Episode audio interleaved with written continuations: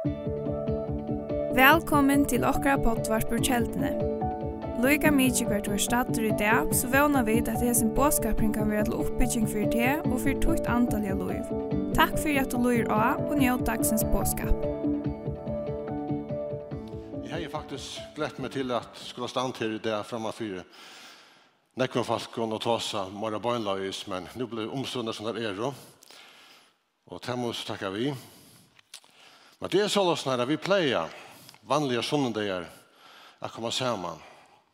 Vi kommer og møte, og det er akkurat som vi alle har kvarsene, hver sin viffer vi akkurat. Det er som vi har en ryggsekk av akkurat herren, vi imenskene ui fra akkurat forstøy, som vi takker vi akkurat, vi er fremmøtene. Og nå sitter han ikke fremme for skjermene og samastøvene. Du hever noen ting ut under forstøy, som du best på i en ryggsekk, og som vi vil mynda til som person. Anker, hever kanskje kan ringa kjallsmynd. Du føler at du er ikke noe verdur som, som hinne, og du dår kanskje ikke lykke hva som hinne. Så tøyn kjallsmynd er at jeg kan ikke bruka sånn jeg til er avmarskav. Anker har vår familietrobeløyker. Anker hever veri jøkken og tjona skyldig skilna. Og ta til å viffer i, i, i som plavar og tinsjer. Anker hever kanskje likam blitt brek. Anker hever kanskje salalega trobelager det reias vi. Anker føler seg gamlan. Og er nyttig han ikke langer. Anker føler seg glantan. Anker strøyest vi sjuko. Anker er kanskje deprimera over. Anker strøyest vi sorg. Du hei anker som du var gaur vi som du miste. Og så plavar det til at, at enda sorgen. Det er så ting som fyller i en ryggseksjon i akkurat løyve. Anker hever kanskje gjørst akkur til forstøyene som du enkrar. Og hei du kunna spåla tøyene atur til handan degen og gjørst hingen i arvøse, så var alt nek betre. Men det er ikke til, og så måtte du bære og beheita resten av løyven hon. Her så fyrir her, gjør til handan feilen, så plava det til en tungur ryggsekker av bæra og sin herren. Eller at du opplever at onker annar gjør seg inn at he, og det fikk fylkje. Og så måtte du bæra vujere på hettar. Det var lei og det breit nyer. Onker strøy skal skal vi at du klarar ikke fyrirkjøva og noen øren. Onker gjør det også møtet her, og du varst du øyre fyrirkjøva, men du klarar det ikke. Så det er øyne en tung byra av bæra. Og så er det anker som, kanskje særlig ungdommer, stiller seg framfor spekler, hitjen i spekler, så er man bare så misnøkt over det som man ser i speklene. Anker er vår forståra nøs, eller skøyva nøs, anker får utstandande øyre og underbit, iverbit, så er anker for krullotter, og for nekva pirrer i ansikten, og frakner, og hva var det, anker for staurer, anker for løytel, anker for tjukker, anker for klæner, og så føler man seg bare så misnøkt over seg selv, og hei jeg vil synder øyvelse. Onkel stod i seg alkoholtrobeleikar. To røyner at slapp på seg urus ned og tar ganger at tog så felt og atter og så best på at her. Hvordan skal jeg vinne hesson? Onkel er svikin av øron. Onkel er fortjellige trobeleikar. Og vi kom til det fram og hei, da vi var vanlig møte, så har jeg sagt gjør så vel Pauli og hette det falsken til skulle takka det kunne av. Det er ikke nevnt. Men så er er så så er det akkurat lov. Vi genker vi en ryggsekk akkurat akkurat her. Vi imiskon ur akkurat farstøy som som vi strøyast vi, og, og allikevel så kommer et vanlig møte, og så ikke rymelig velnagt ut. Vi, vi smyrjer godt le av smink og tyver etter, andre skal så ikke, kan jeg strøyast vi. Det er akkurat som vi knyter dette riksakjens hjemme. Jeg vet at jeg har nekket bedre bære på, men andre skal så ikke, det er min riksak. Jeg har selv alt med vaksne løs trus til en ringa kjølsmynd. Jeg har alltid at henne då var bedre og alt det til. Så sier dere, to, er det ikke to som hette, to som hette, ja, jeg vet alt det her. Og man då vel og smidde tid det. Men det er alltid med plava. Jeg har alltid alltid at hinne klarer det bedre. Og det er så forteller jeg faktisk at er det smægen, så flenner det etter meg. To smægen, to som hette, to som hette, ja, jeg vet. Men jeg har ringt jo inn i rom, her som jeg folk er inne. Det føles som at alt ikke er mer, og jeg har bakke og ferdig til hjørnet og krekk var med. Men til min, min, en av mine, åtta mina tyngron i mina ryggsäcker som är ber på och som har ströjats vi. Och, så så är det att jag läser från biblarna så sitter vi personer, nekva personer. Och där strutt oss vi i misting. Vi kan börja vid Adam, första mära gören. Han bo eller var i Edens hava och allt var gott. Men Gud sa att han var för ensamhettor. Gav honom en kon. Så skulle man tro att detta var det perfekta tjonaleget. Og en dag så hendte det at Eva, hon fettler i synd. Hon teker som trener, hon ikke må teke av, og gjør Adam, og det bæger fettler i seg syndene. Og knappelig, nu føler Adam, jeg er nok ikke så velgifter som jeg helt med være. Og da god kommer og spyrer hva det hent, så sier han, kona som to setter meg vel i. Etla som det øyter av nødgjør mal, hatt av kona faktisk som to gans dreier vi, til å leie alt spil. Men Men, og, og til kanskje en ekka som nekter eis vi i sånne riksækje, troblager tjonalen, og tas med gift vi er ikke så perfekt som helt anna vera. Så skal man sjå det minnes til at tas man gift vi er eisen gift i øynene som ikke er så perfekt som, som han burde være. Og så sånn, til åtta de tingene som mennesker strøyas vi, tjonaleie, det fungerer ikke vel som man vil det yngst, og så er det en tung bira i riksækjen. Og det har stått levis og søvn og Adam og Eva til til at Det stender at ta åpnast egene, da god spyr Adam, hvor krekk det ute, så sier han til at det var nætjen. Faktisk er det først og fyr at Adam stender framfor gode, hva han er i klævo. Alla hina fyrna har han vært nætjen. Han er unga til falt sin naknan. Han er unga til nekka krekk vei sin ryggsekje. Henda dagen, så leta seg klæger til han føler inga samvisko, og så knappt jeg lykka som han krekkvar seg han føler seg naknan. Til okkar ryggsekker, Da vi kommer framfor god, så ser han bort ned i han. Så kan det gjøre det samme, hvordan det er klær vi løter kunne i. Så føler vi knappelig og vi tar henne sammenskå. Ta og les om Moses. En sjanssøver. En smadranker som ble kort ut i Nilånda. Vi kjenner alle søvnene av hvordan ja, man kan nästan säga god att humoristisk skulle att han växte upp tja, som dötter som far av ödlån, far som skulle dräpa sig drange av böten. Och så hände det att han var flutja och för ut i öjemärsen. Och en dag så talar god lansar och säger jag vill ha te affär att han lajar sig falsken ut i täldomnen. Han ser den brännande tornaronen ut i öjemärsen och god talar. Så ständer det, ständer det alltid i i Mosbråk kapitel 3 och 4. Så det är ett enda vers i 2, nej, i 3. Men Moses sverre gode Hvor er det jeg at jeg kan fære til faro og føre Øysesmenn ut ur Egyptaland? Hvor er det jeg? Og så kommer kjølsmenten Til jeg som er flytter ut av landet og taler om meg til løyven. Hvor er det jeg? God, du tykker feil. Du blir, du er kattlet skøyva mann.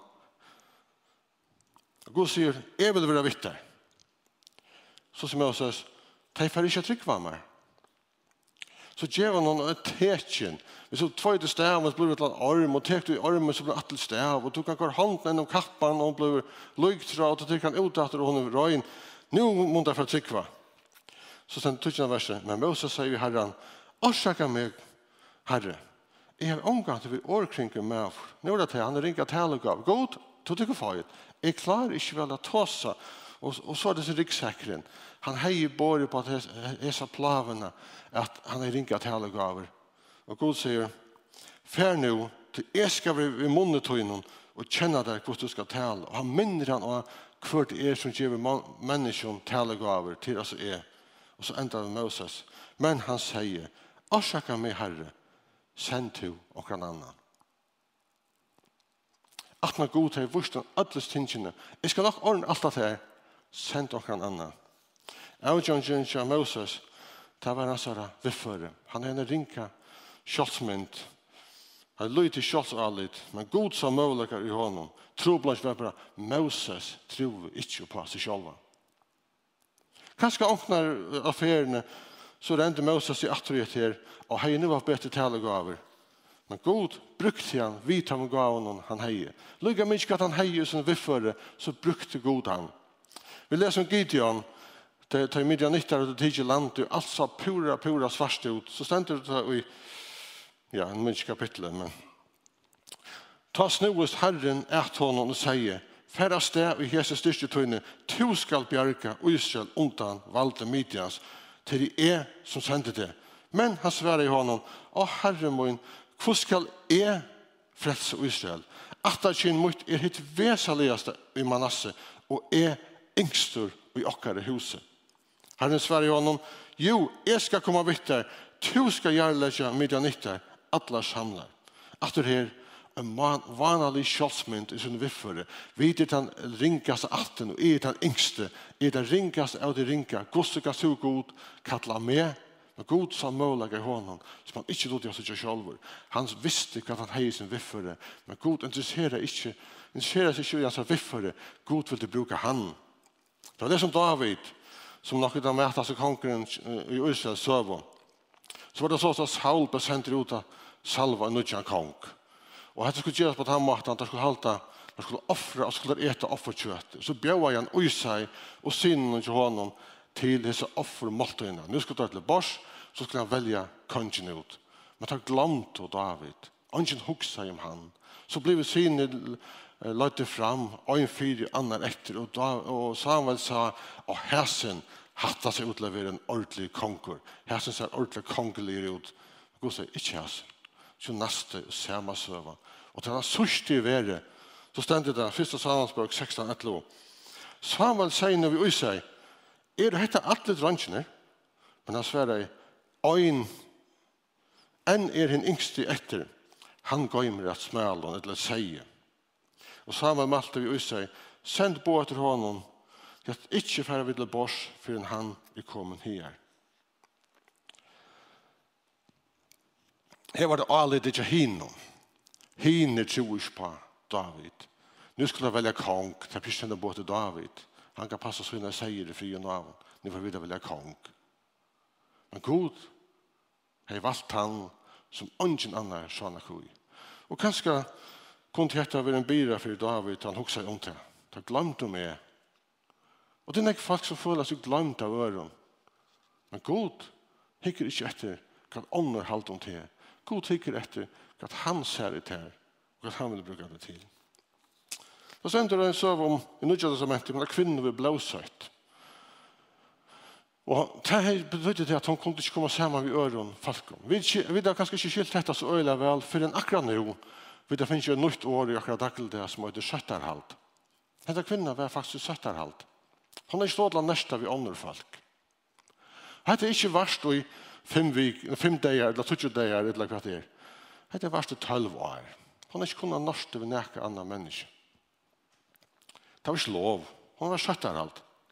Så høyre hun at Jesus er her. Han kan gjøre ondt, han kan grua mennesker. Hei, jeg kunne norsk vi han. Men hon har et problem. Hon var skjøtterhalt. Han er ikke lov til å nærste av Jesus. Han er ikke lov til å nærste av et falskjens som stående om Jesus.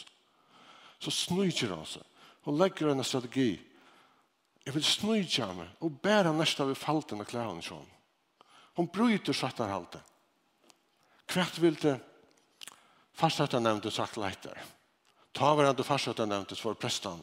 Hadde tar opp deg, Adam, så er ikke vi lukket litt. Men hun snukte seg og nærst vi faltna av klæren til Jesus. Og Jesus vende seg og sier, hvor er jeg med meg? Da sier jeg, ja, men her er fullt av falt. Negg nærst og vitt. Ja, det er hver øyn. Og så, så, vent, så må han bare vikinger. Ja, det var jeg. En breit søtterhalte. Jeg gjør det til som ikke er lov til å gjøre. Men Jesus tok med henne. Han grøtt til henne. Han fyrer ikke henne synder og hans er tryggtøyen er frelste. Han sa nekka som ønsken annars sa, at hon heie nekka sin vifføre, nekka sin bagasje, som ikke orsker, som ikke orsker å bære, som måtte komme til Jesus vi. Han tok i møte henne. Og innanfor var Jesus fer gjør noen Samaria. Gjøter føreskjøtt Samaria. Tar ikke en større omvei for å slippe undan. Tar orsker 24 Samaria byggen. Da så han nye av det. Men Jesus får bant i kjøkken her. Han kommer til brunnen ved sykeren. Lærersvennen for inn i byen, han vil sitte han, og da kommer en kvinne her som har en tunga ryggsekk. Henne kvinnan har ikke snakket reipa av sin liv. Hennar familieliv har ikke ytla. Hon har fem menn og ikke er ikke. Det var en ferdig holdt at han satt det. Så møter hun Jesus her, og det går samre og han bjøver henne til evig av livet. Han bjøver henne til vattnet, som hun aldri atter skal tyste av.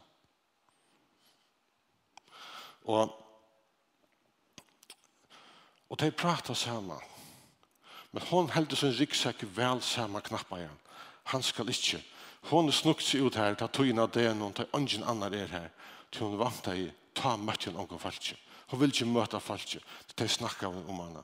Alt visste ikke at hun har sin ryggsekje. Men her sitter en maver, en fremmede maver, som ikke vet om henne. Og knapper ryggsekje vel atter. Han skal ikke få vite med. Så bjør han henne, da vatt hun aldri at hun skal tyste av. Og hun heldt sin, sin ryggsekk vel knappa igjen. Og i samlingen så sier Jesus, for råba mannen ikke av deg?» Og hun heldt vel for ryggsekken. Han skal ikke få vite og sier, «Jeg har jo ikke mann.» Jeg sier, Ja, rett seg til henne. Det tror jeg fem menn, og det som nå hever, er ikke mer til henne. Etter vi ører når henne, er vi et vel. Ja, to hever tøyne riksøk. Ja, hatt det så Hatt det som er en riksøk. Men, men, jeg var vel hva to hever en riksøk. Allikevel, bjør jeg der til evig liv. Til det som bådskapet lakker om til. Jesus var et ett til vårt en riksers. Han var välkaptor till ströjus fi. Han var välkaptor till en fejlig utgörs till förstånd som plamade. Han var välkaptor andre utgörs med det her i förstånd. Han var välkaptor till klara fyra år. Han var velkatt til å helte om det själva. Jag tror att andra helt om det. Men han spyr ikke hva to høver den ryggsekje. Han byr til kom til søyen ytterlig.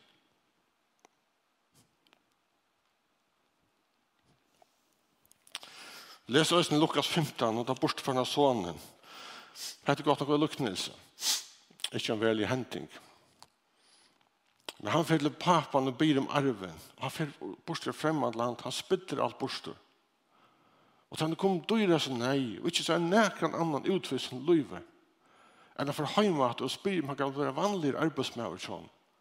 Da fer han. Hvordan man han har følt denne dagen han kommer heim. Jeg vet at det bare luktene seg, men la han umynda dere. Hvordan kan han sauer dronker føle det? Nå han finner ikke alt, han er ikke alt borster. Så man heima til ången, og be pappa sin om et arbeid. Han er sikkert også, og Hva er han har halte om at det? Han har haft en tungan, og en øyelig tungan ryggsekk å bære på en av deg. Men papen tog emot honom. Gå rennande mot honom. Halsfemte han och kysste han. Han ville ikke ha han ville ikke ha han til arbeidsmann, men han ville ha han av sånne til seg. Han spurte ikke hva han heier i sine ryggsäcker. Han spurte bare. Man ville komme til søgn. Så her er vi nek, ikke her i sjælen, men framfor skjermene. Vi ryggsekken, imenske ryggsekken, fotlen av veffere, ur forstøyen, som plava. Jeg har ringt kjølsalit, ja, så er det jo, ikke ærvese, men Moses og Gideon. Strøs av vi at andre unge måliga frutjit her, så er det som David.